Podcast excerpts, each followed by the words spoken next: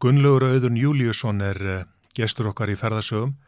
Hann ætlar að segja okkur frá ferðalögum sínum sem er voru tengd ofur marathónlaupum meðal annars.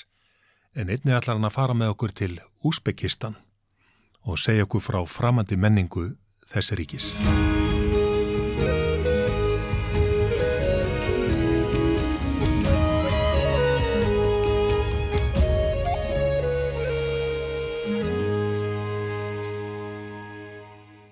Herðu Gunnlaugur, við ætlum að fara hansi víða í ferðarsögum í dag. Við ætlum að, að meðal annars að, já, seg, þú ætlar að segja okkur frá ferðalögum sem þú stundar í kringum hlaup, og svo ofurhlaup og síðan ætlum við að fara inn í Asju síðan meir, en þú eldir hérna fyrir nokkrum árum síðan, þá varst þú að elda ferðalög í kringum hlaup.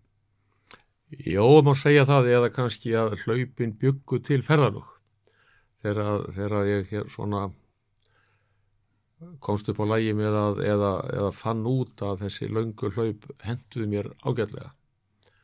Og uh, þá fór, fór ég svona hinga og þangað um, um heiminn svona á heiminn til þess að til þess að hérna uppfylla ákveði markmið, það segja það sko. Og sem eru bara skemmtilegar minningar Já, en þetta voru ekki einn svona vennileg hlaup, því með þú varst ekki að hlaupa marathónhlaup eða eitthvað sluðis, er það?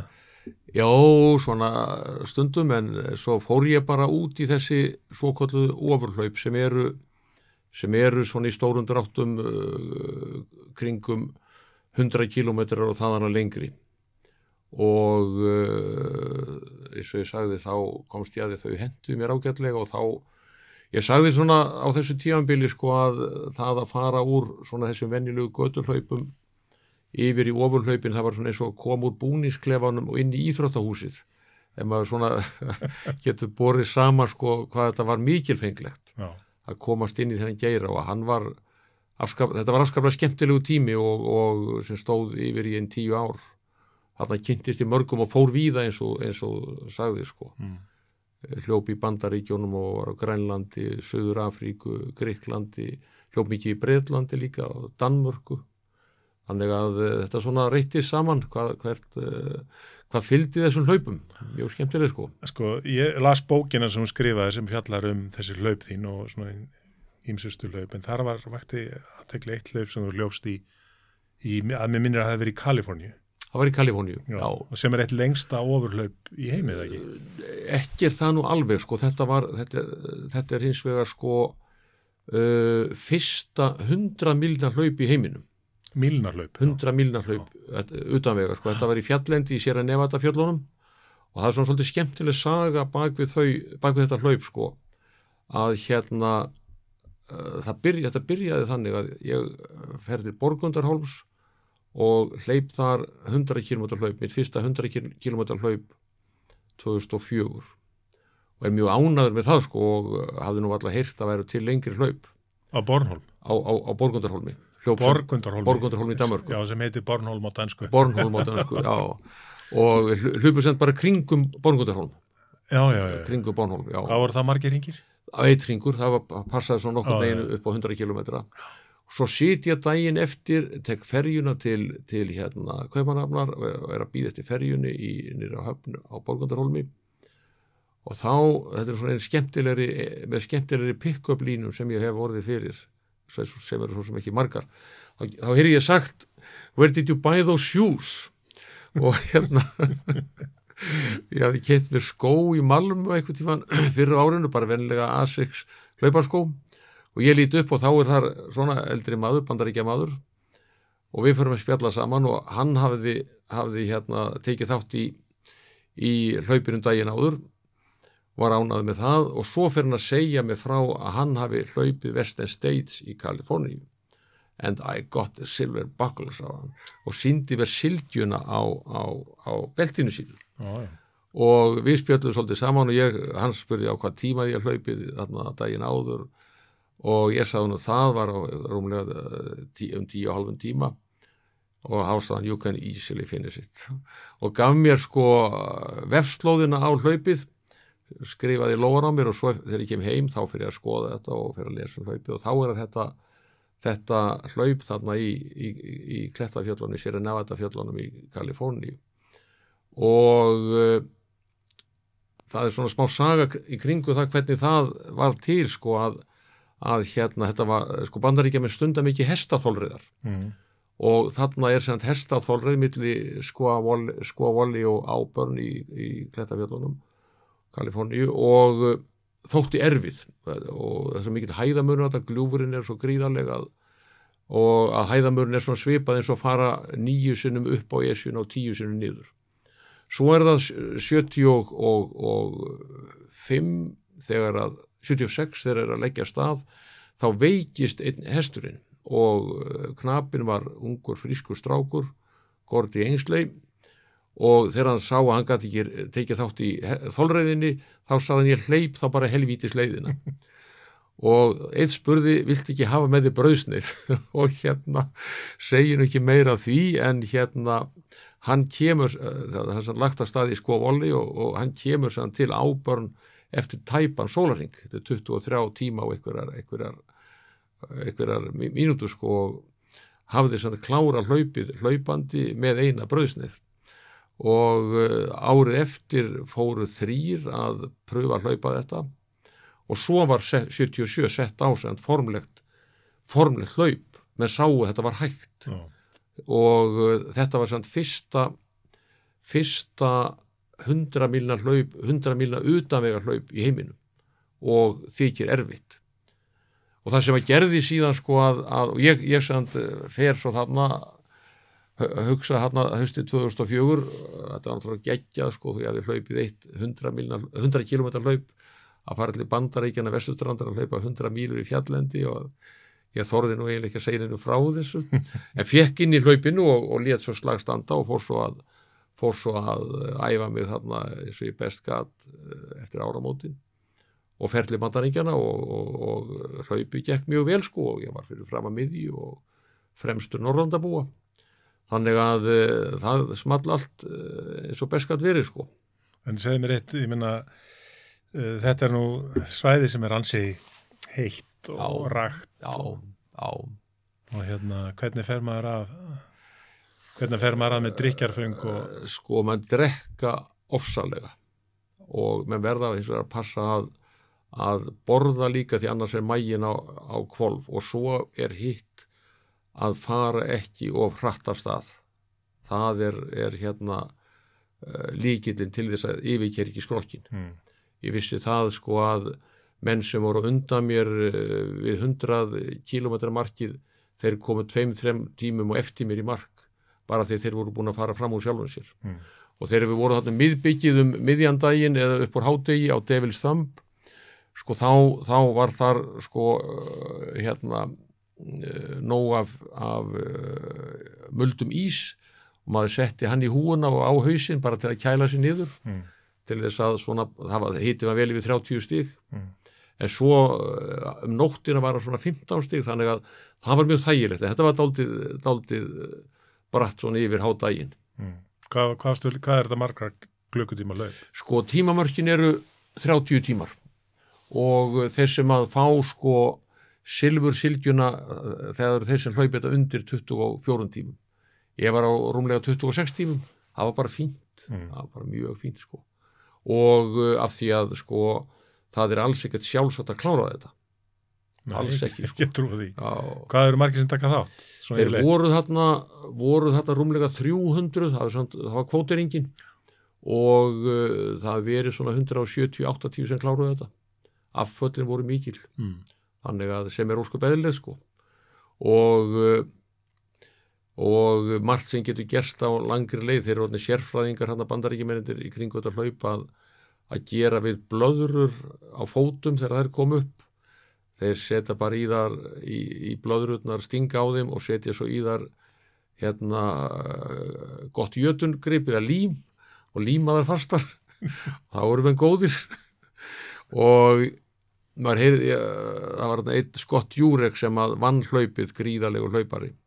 Og heyrði að því þegar hann eh, hljóp sitt fyrsta hlaup þarna í Western States var nú orðin svona halvvís út úr heiminum undir það síðasta sko að þá fannst honum eh, að, að, að í myrkrinu nóttina sko hann væri komin skjel undir ylin á sér og hann hélt þetta væri svona bara ofskinjun hann væri hann að hlaupa á skeljum, það gæti náttúrulega ekki gert sko. En svo þegar hann tekur sko skóin af sér að þá er uh, nöglin á stórutanni komin undir yl þannig að svona getur gert sko ef að, ef að hérna ef að mér er í á litlu skóm til dæmis. Já. en uh, það sem að kannski bjargaði mér að ég, að ég las mjög mikið þarna veturinn sko sögur úr hlaupinu og sérstaklega sögur og frásagnir frá þeim sem að höfðu gert mistök sem að lendi erfileikum Mm. og maður reyndi sem þetta að að finna út hvernig maður gæti forðast að lendi erfileikum Mm. og þessa, allar þessar frásagnir hlaupara sem að höfðu lendi í öllum skrattanum sko, það hjálpaði mér mjög mikið Mm.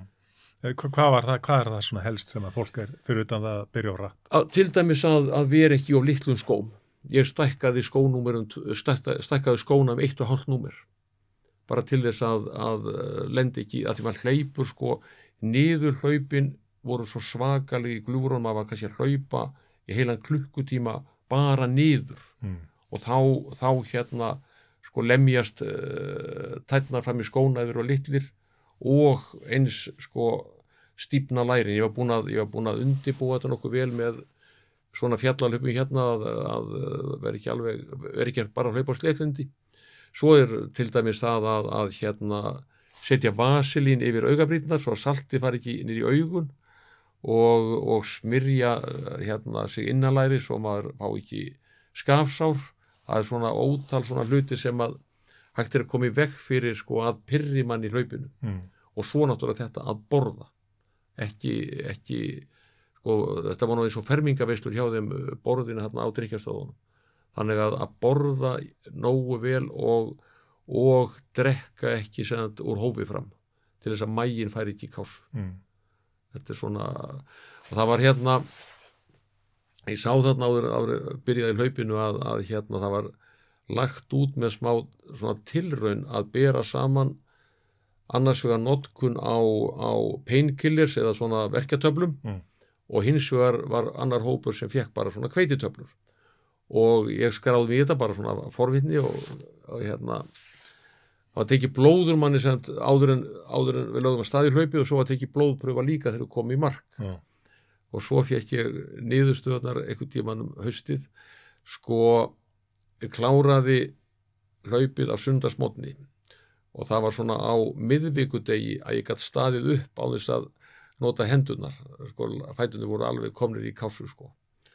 og hérna svo fekk ég niðurstöðnar og sér blóðpröfu einhvern tíman um haustið og ég setti þetta á netið að ganni mín og einhver sem hafði nú vita á læknisfræði skoða þetta og hann sagðist aldrei hafa séð annan þessi niðurbrot á, á, á hérna vöðvum í, í blóði hjá nokkru manni nema, nema þegar menn væri að deyja úr hjerta áfalli þannig að það gekk eitt og annað á það. En segðu mér einn, hvað, hérna, þú ert að hlaupa í 30 klukkutíma og í eh, svona umhverju sem er kannski er þér ekki eiginlegt að vera í 30 stuði hitt og þar yfir. Og uh, þetta eru gil og, já, já. og þetta eru fjöll og ég meina, hvað, hvað eru menn að hugsa? sko maður bara er í fókus. Maður er bara algjörlega í fókus. Maður uh, hugsar bara um sko hlaupi skipuleggur sig og ekki bara í þessu hlaupi ég hlaupi sko sólarhinshlaup og tvekja sólarhingahlaup og í þrjá sólarhinga maður er bara algjörlega í fókus. Að, að uh, sko skipulegja sig, reikna út hvernig gengur uh, ætla sér ekki um of og svo framvegi sko. Mm. út alveg uh, sko neldur nýri verkefnið. Maður er ekkert að hugsa um hérna Og hefur maður einbyttingu í 30 klukkutíma já, að já, já, já, já. Já. og maður er náttúrulega að innbeta sér að því að klára. Já, það er náttúrulega markmiðið maður var náttúrulega sjálfnast í því að keppum verðlun eitthvað svoleiðis þó kom það á fyrir. En aðalatir er náttúrulega bara að klára þessi löngu hlaup. Mm. því það, það eitt er náttúrulega afreg út af fyrir sig að ljúka þeim. Já, og, og ég ta- tala nú ekki um þegar maður er svona tiltölulega óvanur sko. Og þetta hlaup í bandaríkjunum, það, þú hljóst það á 26 eða? árum 26 tíma Já, sko. En svo talar um þryggja daga hlaup? Já, ég fór, fór einu sinni í sko Thames Ring í, í, í Bretlandi. Það byrjaði við uh, sko fyrir norða London og það er hlaupin stór ringur uh, norður og, og austur og, og gegnum Oxford og svo hann að á Little Venice sem er staður norðal, í norður London. Sko það voru tíu marathón eða rúmlega 250 enskar mílur og uh, þar var sko uh, hámarstímin 100 klukkutímar. Og uh, ég hljóp þetta 2000 og, 2013 var það sko rúmlega 60 og það var mjög fínt. Stæsti eða sko já uh, að mestuleiti Þryggja daga hlaup. Já, ég kláraði það á, á 77 tímum og, og sko það sem var næstu búin að drepa mig í þessu hlaupi var sko var eiginlega skortur á mat. Ég, það, við höfum ekki fengið á næringu. Við höfum ekki fengið fekk engar upplýsingar um sko hvernig hérna væri staðið að næring og drikkjastofunum og okkur var ekki sagt neitt að við þyrtum að að vera vel út búnir með mat. Þannig að maður gerði bara ráð fyrir það að það væri staðgóðu matur á, á drikkjastofunum og, og hérna fyrsti sólarhingurinn var nú svona daldið þungur maður var heitt og maður drakk mikið og var fann að æla og var svona að reyna að bjarga sér. Og svo þegar ég kem á þriðju drikkjastöð það var einn drikkjastöð á marathónfresti á 42 km fresti. Og, ekki þess að milli? Nei, ekki þess að milli. Og hérna það er það ákveð Nei, það var bara í þessu hlaupi sko. Já, já, já. bara þetta hlaupi að setja hann ykkur og okkur var þetta ekki, ekki leiðbindum eitt eða neitt hvernig maður þetta bjarga sér þetta innum millum, maður svona með var með eitthvað með sér, eitthvað léttismat en, en bjóst við að fá almenlega borða á, á drikkjastofun og svo eftir var búin að berjast ég við lögum að stað send, uh, sex að mótni og búin að berjast ég nóttina og komið á, morgun á, á, hérna uh, drikkjastu eftir þrjú marathón og þá var okkur bóði bara upp á eitthvað drasl, eh, pasta og eitthvað svona drasl sko og ég var alveg brjálaður. Hvað hefur þið viljað fá þá?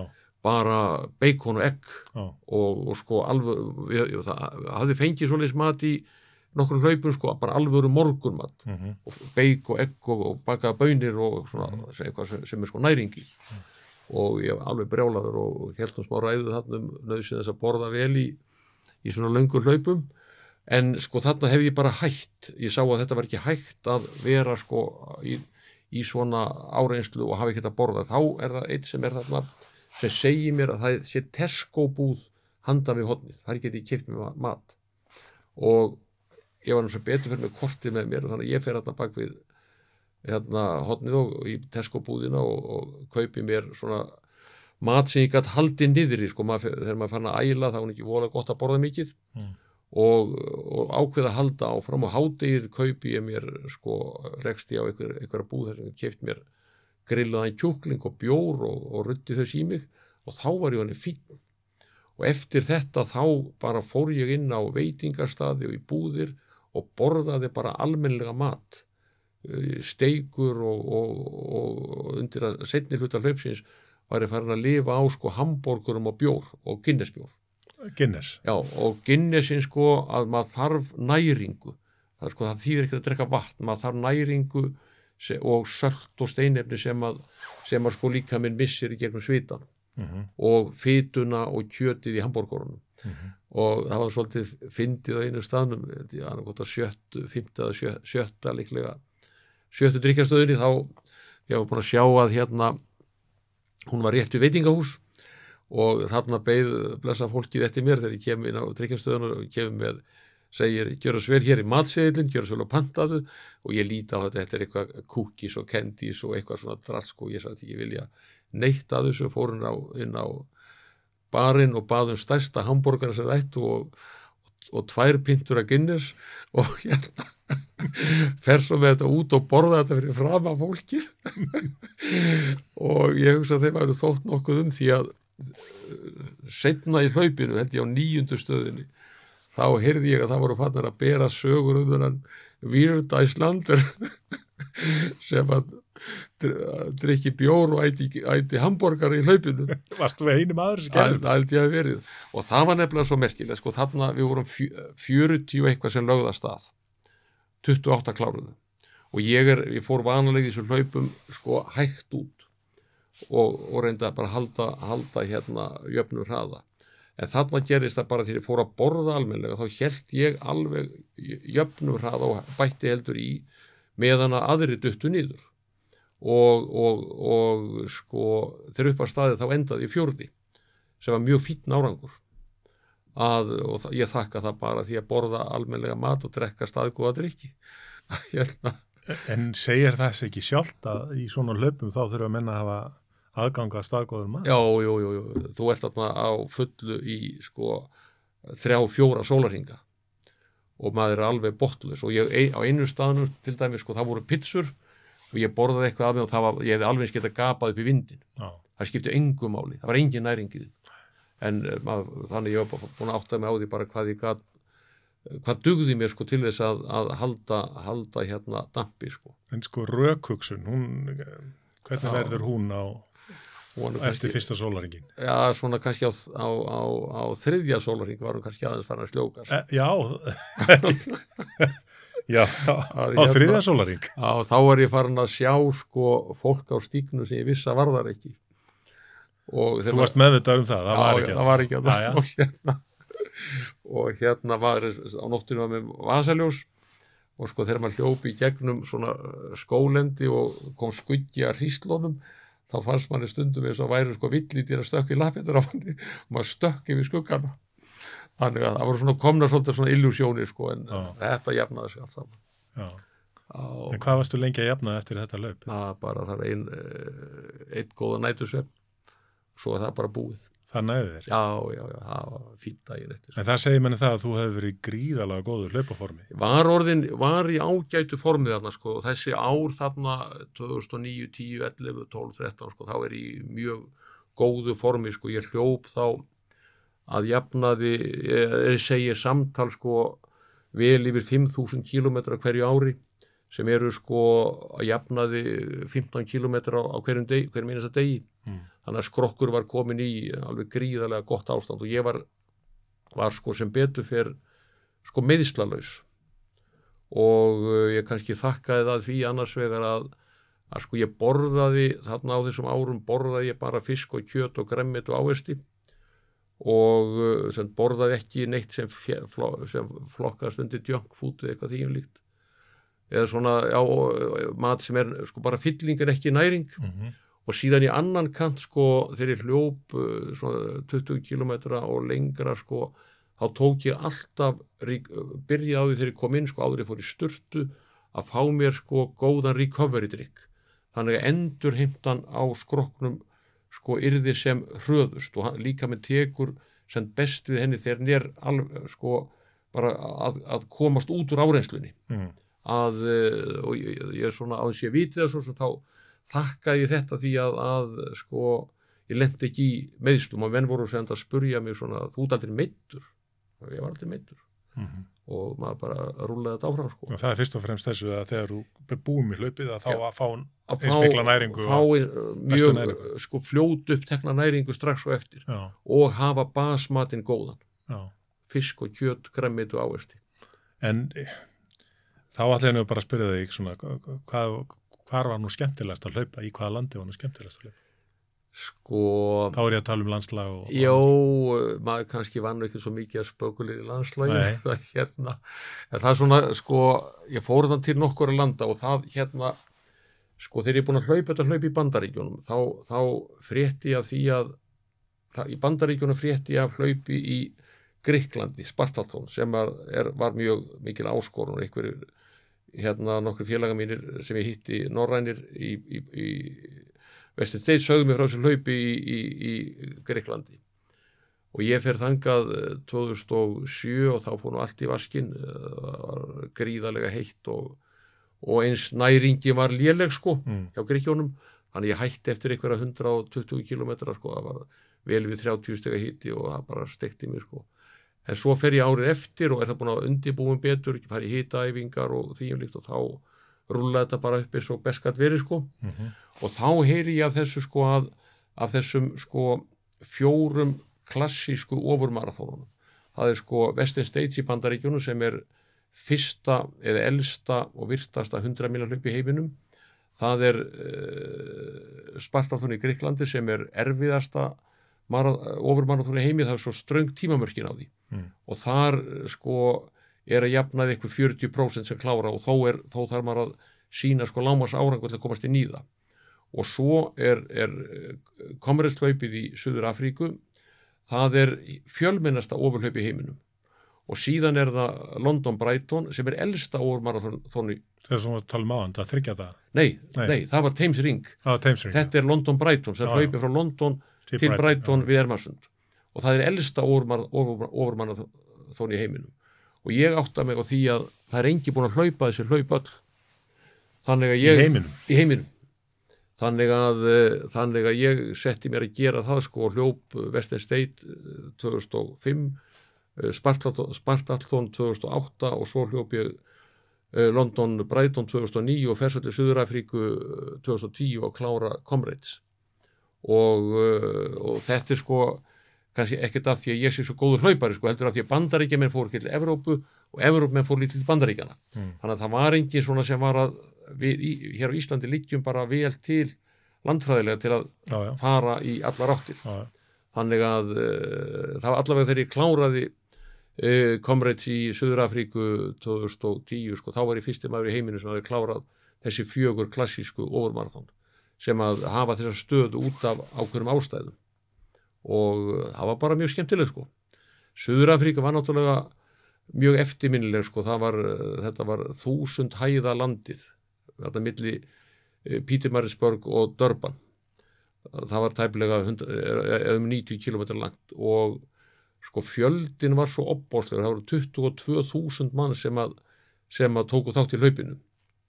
Og það var að því að undir apartæðstefnunni þá er lokað á, á íþróttasamskipti elendis frá við Suður-Afríku. Og þá fara þeir að bara að taka meiri þátt í atbyrðum innanlands og þetta var svona mandómsraun að hlaupa komreitthlaupið.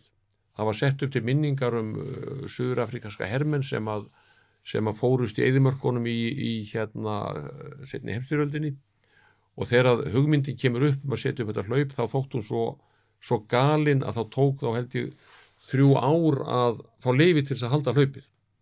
Og þarna uh, voru sendi yfir 20.000 manns að taka þátt í því og, og sko það var svona, svona fyrstu 25 kilometrina þá var maður bara eins og maður væri að koma út af sko fótbollaleikvangi þar sem maður gæti alltaf hreift sig. Og maður gæti ekki fara að hlaupa sitt eigi hlaup fyrir neftir svona 25 kilometra það var mjög sérstök tilfinning að vera bara í einhverjum sko einhverjum mannþröng sem að svona já. sem að svona bara Það leið áfram einhvern veginn Það þreytir. já, já, það þreytir það hérna þetta bjargaðist allt saman En í sko. hvernig rannslægi varstu þar þá? það, þetta var, sko, þessi leið heitir þúsund hæða landið Já, þannig að þetta var eiginlega bara upp og niður og það var, tók ágætlega í sko, þó þetta væri ekki lengra en 90 kilometrar að, að, að tók ágætlega í sko já. Já, og var, Vilt, vilt dýr á leiðinni? Nei, við sáum þau nú ekki sko, enda hugsaði þau hefðu nú uh, látið sér hverfa þegar þau sáu þennan massa koma hana en uh, það var skemmtilegt hlaup og gaman að koma til Suður Afríku í, í þessum uh, er, er það gjörðum sko Já. En þú byrjar, svona, svo ég fara aðeins aftur, þú byrjar frekar seint að hlaupa. já, já, já, já, já. Ég hljóp inn fyrsta marathón sko 48 ára gamall og uh, það þótti nú ekki gáfulegt að svona gamall maður var að hlaupa marathónhlaup og það voru settar upp svona tvær sviðismyndir svo fyrri og svo skárri var þú eigðilegur á því lappirnar og hinn var þú drepuði á þessu. Þannig að þetta voru svona þessi tveir valkosti sem, að, sem voru fyrir hendi sko en, en það gerði skorugt og svo bara svona þróa þetta stig af stígi sko að, að hérna og ég held að, held að hérna eitt af því sem að sem að svona uh, var farsælt var sko að, að það líða sem sagt uh, fjögur ár frá því hleyp sko fyrsta marathonlaupið þanga til ég hleyp 100 km þannig að bara skrokkurinn er búin að sko er bara búin að harna búin að, búin að þjálfast upp. Því emmaður er og bráðlátur þá er þá eru meðslinn bara bak við hotnið sko Mm. það er ekkert öðruvísi En Hvað hefur þetta allt kentir? sko kannski bara í einni setningu menn geta miklu meira en halda mér er aldrei, aldrei dottið í hug að þetta ætti þetta fyrir, fyrir mér líka ég man eftir í sko einhvern tíman þegar ég er sko undir þrítu og er að horfa á, á hérna uh, útsendingu frá olimpíuleikunum einhvern tíman uh, ég man ekki hvaða olimpíuleikara voru sko og þá verið að sína frá marathónlöpi og ég orðaði einhvern veginn svo að gaman væri nú að pröfa einhvern veginn að hlaupa marathónlöp það þóttir ekki gáfulegt. Og ég man eftir því líka sko þegar, að, þegar ég hljópin fyrsta 10 km hlaup að það voru hlaupin sem tveir ringir í marathóninu og þegar ég er að klára að þá eru sem marathónhlaupararnir að klára fyrir ringir og þá hlaupar í gegnum lækjakotuna Mm -hmm. ég man alveg eftir því hvað maður bar sko ómælda virðingu fyrir þessum ofurmenn þegar ég var búin að baksa því gegnum 10 km löðu sveittur uppgefin þeir ætla að hlaupa fjóru sem lengra. Já, það fannst mér alveg svakalegt. Já, en svo eins og ég segi sko að, að menn geta bara miklu meira en þeir halda eh, og auðvitað þar, þar smá svona skinn sem að vera með. Mm. En það er hugurinn sem vist voru já, þetta er hausin sko. Já. þetta er hausin sko skrokkurinn er latur og vill bara vera upp í sofa en hausin, hugurinn sko hann, hann er til átakar eðubúin Já, og það er bara spurning hver hefur yfirhöndina já, og, og ég gerði það stundum sko þegar ég var að æfa mig undir sérstaklega undir þarna Western State sko þegar ég var svona að byrja í þessu sko. Ég var búin að hlaupa eh, fleiri klukkutíma eh, eitthvað æfingarhlaup sko eða morgunhlaup sko og var svona alveg að komast heim sko og skrokkurinn var fann að hlakka til að fara nú í sturt og fara að kvíla sig að þá hljóp ég áfram sett frá, á, sko fram hjá heimreiðinni heim og tók nokkra kílómetrar til viðbótar bara til að sína sko skrokknum að það var ekki hans er réði heldur, heldur hausinn. Mm. Þetta er bara spurningum hver hefur yfirhöndina. já, já. Um, Þetta, þetta er áhugavert. það er svolítið áhugavert. Ég er alveg sammála því sko. En hérna, þú, þú hefur svona lagt hlaupin aðeins til liðar. Jú, jú, jú, ég, þetta er bara, þetta er bara fín, fínt tímambil, rosalega fínt. En svo bara, hérna, einhvern tíman er, eða það verður hæ- hætt að leik þá hættan stendur sko. Já, og maður má ekki vera í þessu til þess að bæ, sko, koma önnu verkefni og önnu áhuga mál og svo má maður heldur yfirkera sig næ, ég fann að þetta var að fara að vera erfiðar og, og sérstaklega fyrir magan og þá, þá bara setjum maður strik í sandin og ég reyna að reyfa mig áfram sko, það er bara allt annað mál sko. já. En nú ertu farin að ferðast svona bara, ef við getum satt á hinn venjulega máta, já, það er að segja að þú ert ekki hlaupandi á ferðalögum, nema þegar þú þarft að flýja undan einhverju. En þú fórst til Úsbekistan, já, sem að er nú land sem að er ekki okkur alveg sko nú eiginlegt að uh, hugsa til eða, eða hva, hvar liggur Úsbekistan? Já, sko Úsbekistan er hluti af stan ríkjónum sem að liggja fyrir sunna Sovjetríkin, er Rúsland voru hluti af, af uh, Sovjetríkjónum, er í Asíu og Úsbekistan liggur sem sagt fyrir sunnan uh, Kazakstan, fyrir norðan Afganistan og fyrir austan uh, Íran og Mm. á þessum slóðum sko og þetta er í Asíu. Mm -hmm. og uh, var nú hérna nú, uh, ferðast aldrei mikið um ferðaðist aldrei um Asíulöndin áður en pestin reyði yfir að stoppa allt saman Indland og Indonesíu sko og svo komu tvö ár þar sem að komst ekki út úr hús eiginlega sko. Mm og ég er nú svona verið að sko haft áhuga á silkileiðinni verið svona uh, velta fyrir mig ferðalögum í kringum hana og, og uh, sem er sem hún liggur frá Peking, Beijing í Kína til Istanbul í, í Tyrklandi og ekki ein leið, þetta er svona leiðakerfi sem þetta er að segja það sem liggur þarna í, í frá, frá Kína gegnum Góbi eðimörkina og, og gegnum þessi stanland þarna Úsbekistan uh, Tatsikistan, Kirgistan og, og, og, svo framvegi sko og uh, fór að námskeið uh, síðallu haust í, í, í háskólanum um, um silkileiðina og það voru haldið margir skemmtilegi fyrirlestar og sagða ferðasögur og þar á meðal kemur Þorleifur Friðriksson sakfræðingur sem hefur verið að fara með fólk á ymisa söguslóðir. Og hann hafði sem sagt verið búin að skipuleggja ferð þarna austur uh, áður en pestin reyði yfir og, og uh, alltaf að taka þráði núna þegar það losnaðum og ég sem slæst í hópin með honum núna fyrir páskana Mm Til Úsbekist. til Úsbekistan og Úsbekistan og nú- Karakalpakstan. Karakalpakstan sem er nú land sem enginn hafi heilt nefnt áður Er það sjálfsagt ríki eða? e, sko það er sjálfstjórnaríki það er sjálfstjórnaríki innan Úsbekistan Já, já. og þeir eru svona í svipaðri stöðu eins og Ísland var gaka Danmörku eftir 1. desember 2018 sjálfstjórnaríki geta sagt sig úr ríkjasambandi við Úsbekistan hvena þeir vilja bara með einfaldri atkvæðagreislu þannig að eh, þannig að þeir hafa svona þessa stöðu eru, segðan, þeir eru með sinn eigin grunn en uh, hafa sagt bara gott uh, ríkjasamband við Úsbekistan Og hverslas land er Úsbekistan? Þú veist, bara svona í fljótu bræði. Við erum mynda með mynd, sko, af, þú veist, þessar byggingar, þetta eru greinilega múslimar. Já, það, það er, þetta er muslimsríki sko og, og hérna þetta er frá borginni Kíva sem að eh, er eina af þessum gömm borgum sem eru á, á heimisminneskrá UNESCO. Sko, uh, Úsbekistan, þetta er flatt land en með, með miklum fjöllum og þetta eru eyðimerkur, gríðarlega eyðimerkur Já. og uh, þetta er heitt og á sumrin og á veturna er ekkert rosalega kalt. Það er svona kannski fyrir niður, niður fyrir frostmark. Þetta er engi Sýbería Nei. og uh, sko uh, þetta eru miklir já, málmar í jörðu og, og Sovjetríkin uh, reyndu að setja hann upp sko að Úsbekistan erði bómulla framleiðslu ríki heimsins með því að veita vatni frá Aralvatni út um allt og sem að hefnast og svona misjaflega nema að Aralvatni er eiginlega horfið. Mm.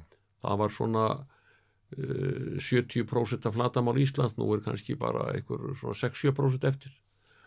Og, og hérna þetta, sko, það sem kom manni svo óvart þegar maður kemur hérna austur, maður vissi náttúrulega ekki neitt og hafði ekki lesið mikið, sko hvað þetta voru ofbóðsleg menningar og, og vísindaríki hér svona á árónum fyrir og upp úr þúsund. Og náttúrulega síðan sko miklu lengra aftur sko þarna var sko Sara Þústra byggjand upp uh, samfélög fyrir 2000 árum. Og, og uh, sko þannig að þetta, þetta eru uh, sko þessi menn, samfélög hérna byggja á gríðarlega mikilli menningu og, og, uh, og uh, vísindum og list sko til, til uh, á svo marga vegu Mm sem var manni mjög framandi þannig að það var það er afskaplega eftirminnlegt að, að ferðast þannum Mm. En þú talar um þetta, þetta er greiðalig saga og, og, og þarna liggur silkileiðin í gegn og Já. þeir verða fyrir áhrifum eða þeir veita áhrif til annara menningaríkja og Já, og silkileiðin er eiginlega sko þarna á, hún náttúrulega mjög sko 2000 ára uh, ferill sko, eitthvað já, svoleiðis. Já, og uh, það var svo flutningur á ýmsu varningi en kannski silki og krydd voru mikilvægustu vörurna sem flutta voru með úlvaldalestum frá Kína til Vesturlanda. Mm. og þetta þýtti, þetta var eiginlega undir staðan sko að bara skattekjum ríkisins uh, beint og óbeint í kringum sko silkilegðin að þróaðist upp uh, gríðaleg verslun og, og, og alls konar yðnaður og svo framvís og framvís, þjónusta og ég veit ekki hvað sko. Mm. Þannig að uh, þessi flutningar voru sko undir staða bara undir uh, þróun samfélagsins. Síðan sko þegar að er farið að sigla milli Kína og Evrópu á örugan hátt þá hverfur forsenda fyrir flutningum hann á landi silkileiðin á silkileiðinni og það og þýðir það gerist um þetta er svona 1600, já, já. 15-1600 og það þýðir sko versnandi efnahag það þýðir innan uh, átök innanlands borgarastyrjaldir. Og þannig að þetta, þessu samfélagum sko þeim bara nignar svo gríðarlega og eftir, eftir sko á þessum hundruðum ára svona frá sittni miðöldum fram til, fram til eh, svona tíma Sovjeturíkjana og þau eiginlega bara gleymast ja, allavega á Vesturlundum en þannig er alveg gríðaleg hérna menningar og vísinda saga sko. þannig að gullaldar tími úsbyggistan og þessar stan landa er þarna frá svona kannski þúsund til Já, svo flæðir Gengis Khan þarna yfir einhver tíman á 12-13 Mm. sko. og það má nú þeir sem að hann brendi og eigðilaði allt saman sem að fyrir var sko Mm. og þeir sem að svona gerst ekki að til segja að þar hafi nú svona hnignuna tímanbili hafist og, uh, og svo voru svona uh, herkongar sem að koma þar, þar á eftir sem að voru veldi þarna sko á þessum uh, bæði var sko gríðarlegt næraustu til Indlands og austu til vestur eftir til Bosporus, vestur, vestur Evrópu og norður eftir sko þetta, þetta, er, þetta er ótrúlega veldi sem en held utanum og, og faratengi voru hestar, já, mongolskir hestar, mongolski hestar sko. að mestu. Já, já, en, en þú, hérna ég meina þessir, þetta menningaríki það er þeir eru í framalega í vísindum löngu undan Galileo og ætlum já, bara í að sko, það heiminn geiminn það var nú eitt af því, eitt af því sko í, í, í, í, í borginni Kíva eða Hrífa mm. sko það er nullið fundið upp. Það er nullið fundið það er nullið fundið upp. Sko það var ekki null í rómanska í rómansku tölustofunum nullið er fundið upp í Kíva. Algebran er fundið upp í Kíva. Þetta eru hvort ekki svona grunn element í, í nútíma starffræði já, já, þannig að það hérna maður á að bera virðingu fyrir þeirri borg sem finnur upp nullið og það er er Kíva. Og það er eina mörgum borgum í Úsbyggistan Já, já, já, við fórum sem flugu til Taskent, fórum þaðan yfir til Karakalbakstan og heimsóttum borgina Núkus, fórum síðan til, til Kíva eða Kríva og þaðan til Bukhara og endum í Samarkand sem er svona, sem er svona drauma borg margar, margar fyrir margar hluta sækir sko. á hvað liti sko. Þar eru þessar ofbóðslegu byggingar sem að sem að eh, Amir Temur eh, einn af þessum blóðþyrstu uh, hersöðingjum í Úsbeikistan uh, let byggja að stóru hluta til á, á, á 13. öld og uh, á 14. öld sem 13. og eitthvað sko hann deyr undir, 14, undir Mm. aldamótin og hans markmið var, var að sko Samarkand yrði sko fegursti gluggi heimsins sem snýra sólu og ég verð að segja það sko að eh, sko, eina byggingi sem ég hef séð sem að jafnast eitthvað á við við byggingar þeim sem svo, svo byggingar á Reykistan torginu í, í Samarkand er sko Angkor Wat musterið í, í Kambódíu. Þetta er eitthvað svona, svona yfirþyrmandi. Það er ekki hægt að lýsa þessu. Mm -hmm. og uh, sko byggingar þar hérna í, í Úsbyggistan, þetta er allt byggt um múrsteinum, örlitlu múrsteinum hlaðið allt saman. Og múrsteinar eru byggðir er mótaðir úr leir og, og, og, og grasi og grasi, já, það, það er trefjaefnið. Það er steipustýttajárnið, það er gras. Heyrðu, við erum hérna með já, þetta er, þetta er eina, eitt af grafísónum sem við komum í sko. Svo er svona mósæk utan á þessu. Já, og sko, það tók kannski ekkit svakalegan, þið sjáu þarna múrsteina hlæsluna sko, mm.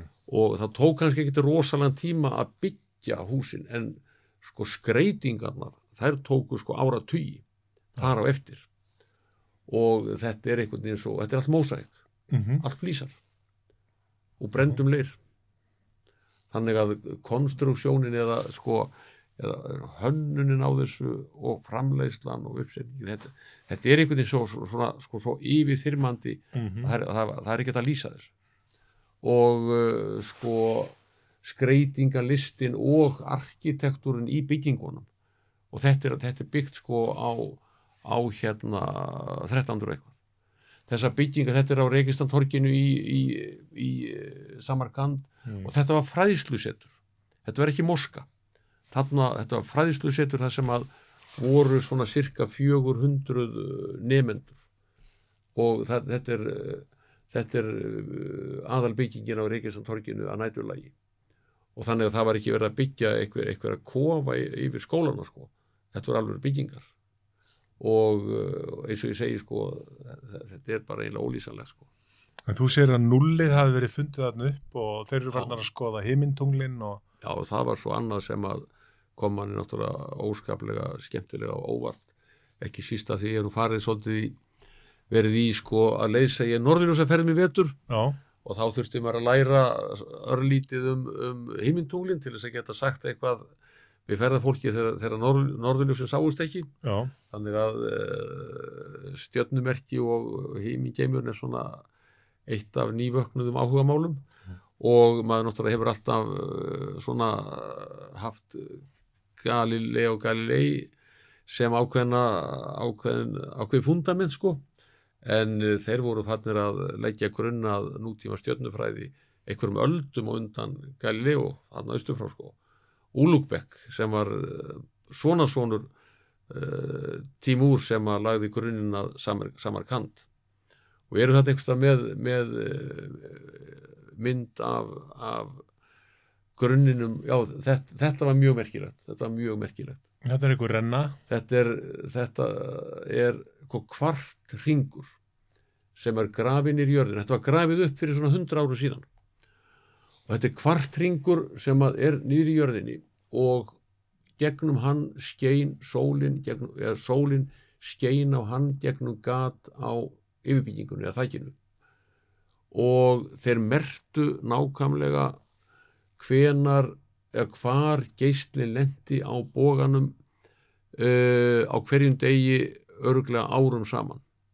Og fundu út úr því eða lögðu með þessi aðferðafræði og örglega einhverju fleirum útreikningum sko grunninn að nútíma stjörnufræði grunninn að snúningi jarðar, grunninn að, að því að, að, að jörðin gengir gengur sólu og þessar hreyfingar sem að sem að þykja, öllu þykja sjálfsagt að, að eða, eða bara þetta kerfi heimingeimsis sem mannu þykja sjálfsagt að, að vita í dag. Já, já, bara árstíðir ástíðir og allt þetta sko já, og, og, og reyfingu heimildunga og þetta er sko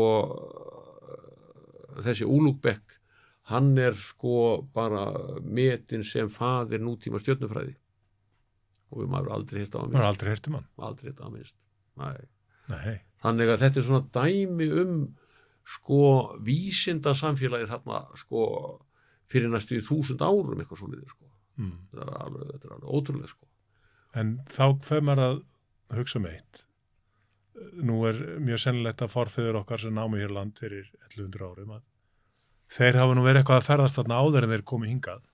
Jú, eða, eða sko eða kannski samhliða. Sko vikingarnir fara í vesturveg. Þeir eh, koma til Íslands og þeir herja á á Bretlandsegjar og, og Sjetlandsegjar og Írland eh, með morðum og drápum og ránum á fólki og því líku sko en svo voru þessir væringar sem að maður þekki, sem ég þekki sjálfur sér miklu minna til sko það voru, hvað eru væringjar? sko það voru málaliðar sem sildu í austurveg sem sildu eftir ánum uh, í austurveg og komust allaveg til uh, Konstantinópel og hérna þá fara þeir gegnum Úkrænu sannlega alveg, alveg örglegt eftir, eftir, eftir ánum sko eftir, og, og þeir voru ekki sko þeir voru ekki svona af þessum kaliber uh, sem vikingarnir voru maður ekki að nefna að lesa eigils og til að átt að sjá eitthvað djöfusís banditar þeir voru sko. En þeir voru málaliðar sem börðust sko fyrir uh, konunga og, og, og landsöðingja þarna austufrá sko. Mm og uh, það var svolítið skemmtilegt sko að hérna ég man eftir því þegar ég var krakki það var, það var myndasaga í tímanum um Eirík Viðförla og uh, var svo sem það er svona uh, geimast einstaka myndir úr, úr þessari myndasögu. Eina af þeim var að, að uh, sko hann barðist í Mongóla og ég googlaði núna eftir ég kom heim uh, skoðaði nokkrar sögur sko þann, hann barðist í Mongóla þannig að hann hefur verið að berjast við sko liðsmenn Gengis Khan þarna austufrá eða hans afkomendur. Og ég mundi eftir því að sko þeir voru með svona öðruvísir loðhúr þeir voru með loðhúr sem voru með loðkraga en, en ekki loðnar ofan á kollinni. Eina svo sé ég svona húfu á markaði þarna, austufrá sem var alveg í, í stíl við það sem að það sem Eiríku Víðförli og hans menn voru með hér, hér í demti sko. Og ég er náttúrulega sló mér á eina svona húu það Já. þýtti ekkert annað sko. Þetta er alveg, þetta er alveg húa þetta er svipu húa og, og, og já. mongólarnir eru með. Já, já, já, já. Og, og ofan á er sko karakúlskinn. Sem er, sem er skinn sko af lömbum undan, ja, lömbum karakúlfjárins. Og þau eru, þeim er lóað svona í besta falli nýfætum já, já, til að fá þetta stutta hrokkna skinn. Þannig ég er svo sem geta að mæla með þeirri nei, að þetta er gert að nöstu frá sko. að En hvernig kom þér þetta land fyrir sjónir, svona ef við förum inn í nútíman og svona, hvernig, hverslas land er þetta? og þetta, þetta er náttúrulega þetta er náttúrulega fátækt land. Og og sko Karakalpakstan ber náttúrulega sko merki af þessu rosalegu áhrifum af því að mistökum sovjetmanna þegar að, þegar að sko þeir fóru í þessar ávitu framkvæmdir þeir átta sig ekki á því að að þessar gríðalegu sléttur þarna eyðimerkurnar og þetta land þetta er gammalt sjáarbotn og þa þarna er sko þarna er mikið salt neðanjarðar og þegar þeir fara í þessar ávitu framkvæmdir og fara að bylta öllum þá, þá losnar saltið. Þannig að sko þarna er uh, sko þarna eru gríðaleg lönd ónýtt út, Út af seltu. út af saltinu bara ónýtt og uh, þannig er uh, sko öndunafæra sjúkdómar og lungnasjúkdómar út af svona bara sko, svo voru notkurinn af eiturefnum og áburði alveg ofbásleg og þannig að sko eh, margt er þetta svona andbrekkis þetta er, þetta er, þetta er, er erfitt, þetta er fátækt land Já, og engar öðlindir. Jú, svo eru auðlindir sko, þetta er, það er gríðaleg gullvinnsla þarna, það er silkirækt og bómullarækt. En sko eh, svo er náttúrulega annað sem þessi lönd eiga er ekki búin að vinna sig í gegnum sko, þau verða náttúrulega sjálfstæð ríki 91 þegar Sovjetríkin liðast í sundur og þau eru bara ekki búin að ná vopnu sín við því sambandi. Að þarna var einhver forseti mann ekki hvað hann heitir í, í Úsbekistan fram til 2016 held ég að veri sko. Og dóttir hans var einhver gjörsamlega siðspilt og klikkuð manneskja sem að var búin að sölsa undir sig stóran hluta af auðlindu ríkisins. Nú er, svo, svo verður hann verður hann svona hálger stjórnabilding og fórsendi settur af og annar svona gæfulegri kosin í staðin og, og, og kellingin komin í stofufangelsi þetta bara tekur svona tíma Mm.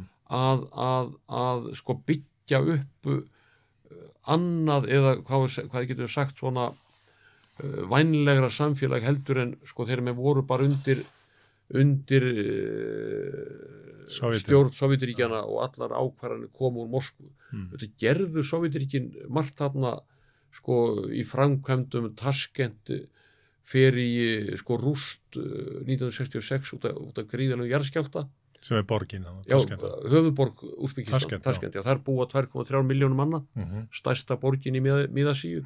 Og hún er endurbyggð. Og sko pólverjar voru fengnir mikið í það verk að þeir kunnu að endurbyggja borgir eftir setni heimstyrjöldina. Meðal hans Varsjá sem var eðilögð að, að held ég með 96% sko. Þannig að eh, sko Sovjetminn gerðu mikið það var lagði sko í, í byggingum og vegum og, og mjög mörgu sko en það er eitt að, að framkvæma sko annað er að kunna stjórna sér sjálfur mhm. og það er í svona það sem að tekur bara tíma að menn uh, svona nái undirtökunum á Mhm. og þetta er fátækt, þetta er sko þetta er allt annað efnaðaskerfi heldur en hér hjá okkur sko bjór út í búð kostaði svona 100 krónur bjór á veitingahúsi kostaði svona 2 dólara og þetta er bara allt annað já. og, og þannig að okkar peningar nýtast vel þarna Mm. en uh, sko og og uh, sko já, já það, þetta er fátækt land og fólk er að bjarga sér á alla mögulega vegu eins og, eins og gengur og gerir sko. Já, já. En þú fórst þarna út í eðimerkurnar og, Já, ég milli borga. já, já, við kerðum hérna kerðum hérna mjög lengi sko frá, frá eins og frá Núkus til, til Búkara þá sjáum við til dæmis förum þarna til eðimörkinu og sjáum þessar rústir sem eru svona 2000 ára gamlar frá tímu Sarathustra mm. og uh, var svona borgarsamfélag sem hafi verið byggt upp og þetta eðilegur gengis kan allt saman. Sko uh, það var svona eitt af já, það var bara allt eðilegt og brent sem var fyrir. Mm þannig að, og þetta er svona eftirstöfandar því mjög, mjög sko, áhugavert að koma á þessa staði sko. það var til dæmis í, í hérna í Bukhara sko, þá, ég er nú ekki með myndafinni held ég að það, þar stóðu sko tvær byggingar eftir og önnur, önnur sem var byggð árið 900 gríðarlega flott. Hún var grafin á kafi sand hún var falin, svo hún er ekki brotið niður og tókst að bjarga henni. Af úsbyggistum þá. af, af heim, heimamönnum. Já, já, já. Og við kerðum þegar við kerðum frá frá sko núkus til, til Bukhara að uh, þar ógu við einhverja fjóra, fimm klukkutíma bara í gegnum eyðimörk bara hrein og klára eyðimörk Og er það vegakerfi eitthvað eða? sko það er verið enn þetta var, þetta var einu sinni að þetta verið svona sæmilega hraðbröð og það verið endurbyggjan en stór hlut af henni var bara djöfull vondur vegur sko. Og það var þess sem heimamenn sögðu að menn hefðu bara ekki þekkingu á að byggja vegi. Það var þýst fyrirtæki sem var að, var að endurbyggja hraðbröðina þannig að þetta er svona dæmi um það hvað, hvað hérna sko menn eigi land með að eh, geta styrt hjá sér eh, innviðina. Hmm. Hvað varst að borða það? það borðaði nú allan Skotland sko, það var, uh, maturinn var ágætur, það var dálítið mikið svona af sko mauk, svona rollukjötið eða nautakjötið, það var allt í lægi sko, Þannig að þetta eru fjárbændur? já, já, já, já, já, já, já, já, og uh, sko, maður fekk ekkert í magan eitthvað svoleiðið sko, var, ég var allir verið, verið vel haldni sko. Og uh, þa- þannig að maturinn var bara fýtt sko, var ekkert að honum auðvitað er þetta alltaf svolítið öðruvísi heldur en uh, það er ekkert endilega þarf þess að okkar matur sé bestur sko. Nei, nei. en uh, hann var bara fýtt Mm. ekkert að því sko. Og hvort sem maður fór út að borða sko með hópnum eða, eða ef maður borðaði einhvers stað það sem maður var einn að þvæla sko og keipti sér bara eitthvað sem að, sem að þurfti til þess að uh, seðja hungrið sko Já. það var allt í lagi sko En hvernig komu úsbyggistar þér fyrir sjónir? bara, þetta er, sko, þetta er asíst fólk og uh, þeim svona fannst gaman að sjá erlenda ferðamenn það var, það var sko rússar sækja mikið þarna sem ferðamenn þannig að, þannig að þeim svona, maður var, var við það svolítið að, að þeim þætti nýlundi að sjá, sjá ferðafólk, krakkandi komu að láta taka sér myndir með okkur og, og svo framvegið sko. Er það eftir COVID eða er það bara ekki neitt? Nei, ba bara, bara, bara konsekvent sko, bara, Já, það er ekki ferðamenn tjónustæðna. í, uh, sko, jú, jú, hún er það sko, hóteli voru fín, það var ekkert að þeim og við vorum þarna, sko, það var innlend ferðarskristofa sem að held utan um ferðina með fínan túlk og þarna er ferðarþjónusta tölvutunum til Samarkand er náttúrulega mikil ferðarmennska bara Mm. út, af, út af stöðu Samarkand á, á heimsvísu sko Bara byggingarnar og... já, já, já, já, já, já, þannig að uh, en sko uh, kannski hef, hefur þið þótt vera nýlunda að sjá fólk svona langt í burtu sko. Já, ég hérna fór hans að grænslast um þetta land. Þetta er fjóru sinum starri en Ísland Já, og þarna búa hvað, 35 miljónir 35 manna? miljónir svona cirka sko. Já, margir að mikið að einhverja miljónir vinna erlendis, sérstaklega í Rúslandi já, og þannig að þannig er auðvitað sko atvinnuleysi. Þetta er svona sko og þannig er eins og víða í eh, Asíu sko fólk er að bjarga sér og gerir það þá fyrir utan þetta venjulega hagkerfi. Sko er bara að eh, selja og framleiða eitthvað sem að einhver kaupir mm og er ekkert skráð í einhverjum hagtölum Nei, en eru bara að bjarga sér. Já, það er bara svoleiðis, maður var aldrei sko uh, það var bara sko það fínt að vera þarna sko fólk eh, var vinsamlega tók manni vel og, sumt að forvitið. Það fólk uh, þekkti hérna svolítið til Íslands sumir hverjir. Menn þekktu til fundar hans í höfða og uh, flestir held ég hafi nú verið sem að eða, það sem flestir þekktu var sko húið hjá íslenska landslýri í fótbolta. Já, og tengdu við það og hafðu gaman af. Þannig að uh, það má ekki vann með þetta slíka hluti. Hvað var það landkynning og nei, þannig þeir eru ekki alveg einangraðir frá nei, nei, nei, nei, hinu nei, vestrana heimi. nei, nei, nei, nei, nei, nei. og voru í sjálfu sér sko það, já sko þeir hafa verið einangraði til skamstíma það var, landi var ekki opnað sko fyrir ein, með einfaldri vegabins fyrir en held ég 2017 Já, þannig að það var lokað nema kannski sko innan nákvæmnaríkjana já, en það var lokað gagvart allavega Vestur-Evrópu til fram á 2017 já, þannig að það er svona frekar sko þeir eru bara svona byggja upp þessi sko ferðarþjónustuna og samskipti við, við sko fjallega ríki, já. fjallega þjóðir Myndu segja að, að, að þessar byggingar og þess, þetta forna menningar ekki hafi komið mest á á, í ferðarlegin? já og bara, og bara sko og bara fá þessa sko örlittlu insýn í söguna sem er svo áhugaverð sko byggingar eru eitt Mm -hmm. en sko að tengja þær við sko hérna hvernig tengingin er bara við söguna er annað sko. Mm. að, að sko þannig að þetta var eiginlega hver dagur var sko með mjög fullur af mjög áhrifaríkum upplifunum Mm á svo marga vegur sko. Og það var kannski eitt sem að hefði verið gaman að sjá sem að gerðum ekki. Og maður, maður gerði það kannski setna ég er að koma nattu sko. Já, það var að fara að sko fara í svona það tveggja daga ferð frá Núkus að Aralvatninu það, var, það er ennþá til Aralvatnið. já, Aralvatnið er til svona í, í dvergmynd af sjálfu sér sko það er eh, kannski svona 10% eftir af því, af því sem það var í uppröðlegu mynd sem var sko með stæstu innhöfum uh, í heimi og þar veitti sko, ég held að verið sko það voru gríðarlega fiskveðar í Aralvatninu Mm.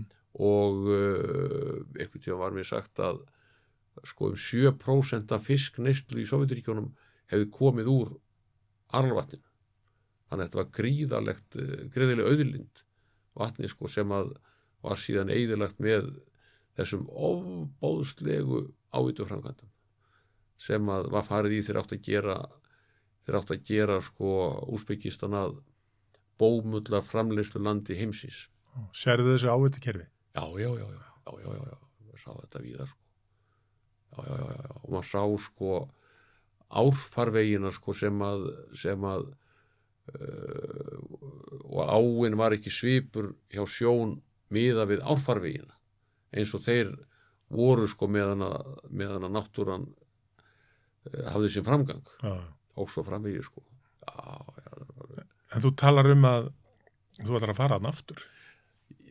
Það væri mjög áhugaverð sko. Já, að eins og segir maður svona aðeins búin að kíkja inn gluggan já, og maður þarf að skerpa þess að rúsneskunni til þess að til þess að hérna eiga betra með að uh, ná sambandi við heimafólkið. Já, og síðan eru þarna sko náleg ríkis Azerbaijan og uh, Turkmenistan og Kyrkistan ég ætlum ekki kannski að til Afganistan en, en hérna nei, nei. en uh, sko sem eru mjög áhugaverð Og þau eru opinn ég minna. flest held ég séu það sko og þau hafa bara sko einhverja allt aðra sög að segja Mm sem er, er ekkert síður áhugaverð sko. En hluti á silkileginni. hluta sílkilegin Já, og við komum þetta til dæmis sko í, í, í, í hérna Núkus sem er höfuðborgin í Karakalbakstan og þetta er svo margt þarna sem svo, var svo óvænt sko. Þar komum við í listasafn sem að, sem að hérna maður bjóst nú ekkert við að væri eitthvað sérstaklega áhugavert svona fyrirfram. En sko það er í gríðarlega flottu húsi.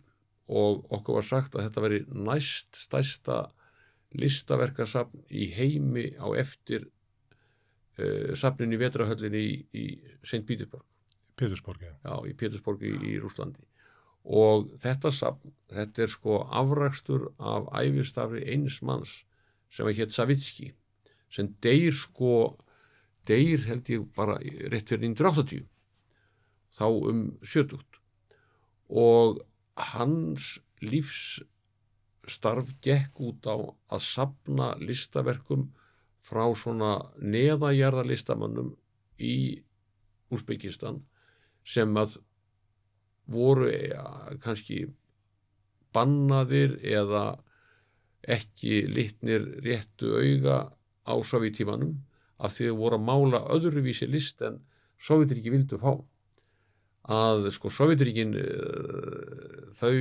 sögðu bara að það væri góð list sem síndi síndi vöðvastælta menn og brósandi konur er að vinna út á akrinum Já. það væri eina sanna list sko, að þessi voru að mála allt öðruvísi Abstraktsjónir og, abstraktsjónir og venlegu fólki af erfileikum og, já, já.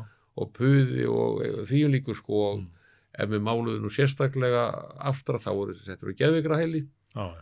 og þessi maður hann sapna saman sko í 80.000 verkum sem eru geimd í þessu listasafni og ég verður að segja að það var alveg ógleymalegt að að, að uh, vera hann að gangi gegnum það með leiðisögnum voru hann hátt í þrjá þrjá klukkutíma með alveg svakalegri fítni leiðisögn Mm. þessi mynd var til dæmis fjall ekki góðan farveg, það var sagt að hendurnar og fæturnir væru svo klunnalegir, þetta var ekki hérna, Ekki sovjet saman. þetta var ekki hérna, ekki, Nei, nei, ekki gæfi ekki raun segja mynd af raunveruleikarum nei, nei. En þetta segir mann líka það að þeir, þeir eiga uh, djúpa rætur. gríðarlega, gríðarlega sko og þessi, og það hefur náttúrulega séð áður og heyrt í, í Rúslandi sko að þessi þessi sko list eh, sköpun er svo ofbáslega sterkarna ég held ég hef aldrei heyrt fegur í söng heldur en í munkaklaustri einhvers þar fyrir utan Moskvu voru síðherði sveittir munkar í köplum Já, tala um orthodox. já, já, en söngur var alveg já, sko.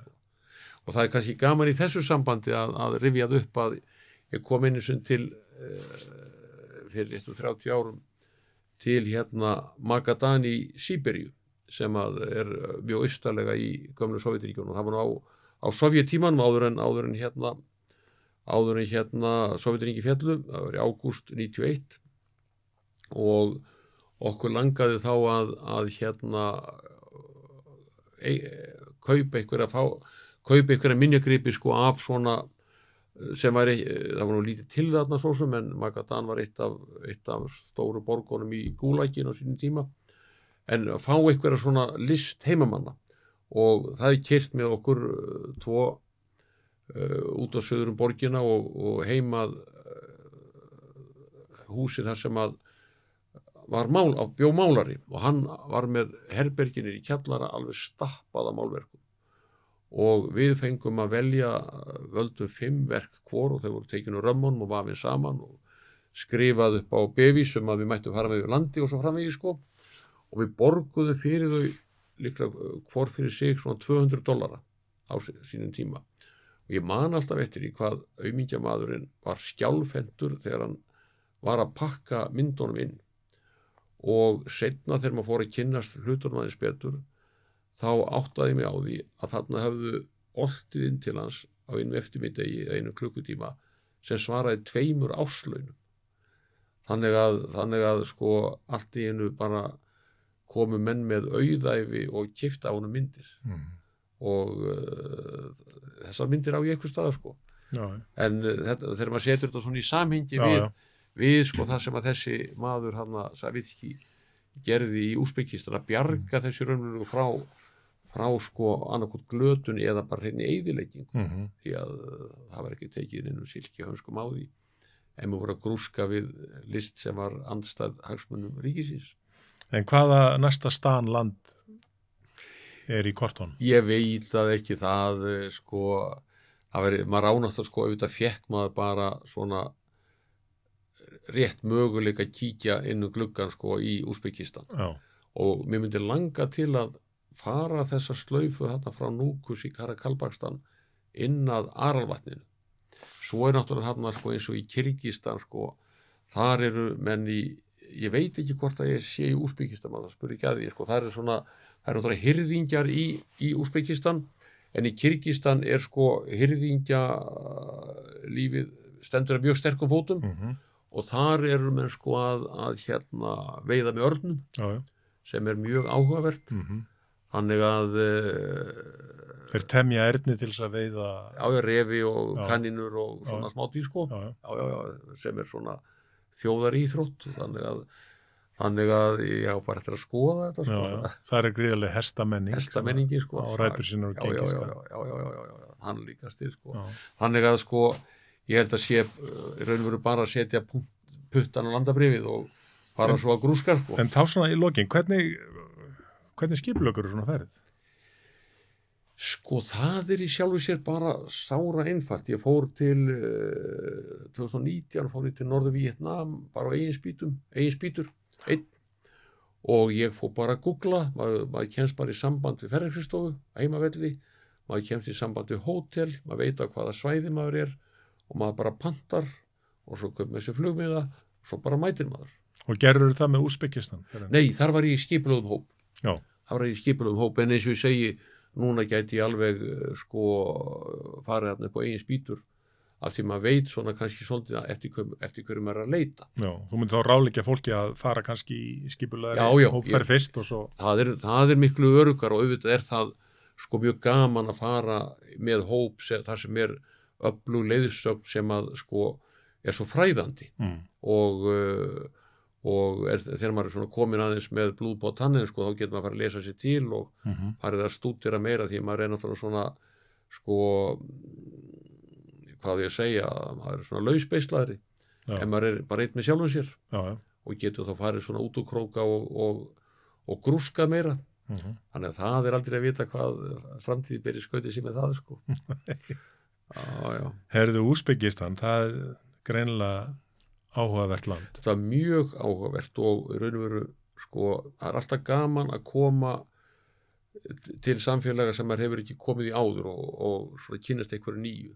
En þetta var svolítið sko svo miklu meira heldur ég átti vona svo miklu meira mm. sem maður upplifið þarna. Og uh, ferðin eins og ég segi sko það var eiginlega hverjum einasta degi var sko var upplifið ferðarinnar að þetta segja það sko. Svona í grófum dráttum. Kunnlaugur, þakka reynilega fyrir Já, þína takk, ferðisög takk sem leiðis, gaman að þessu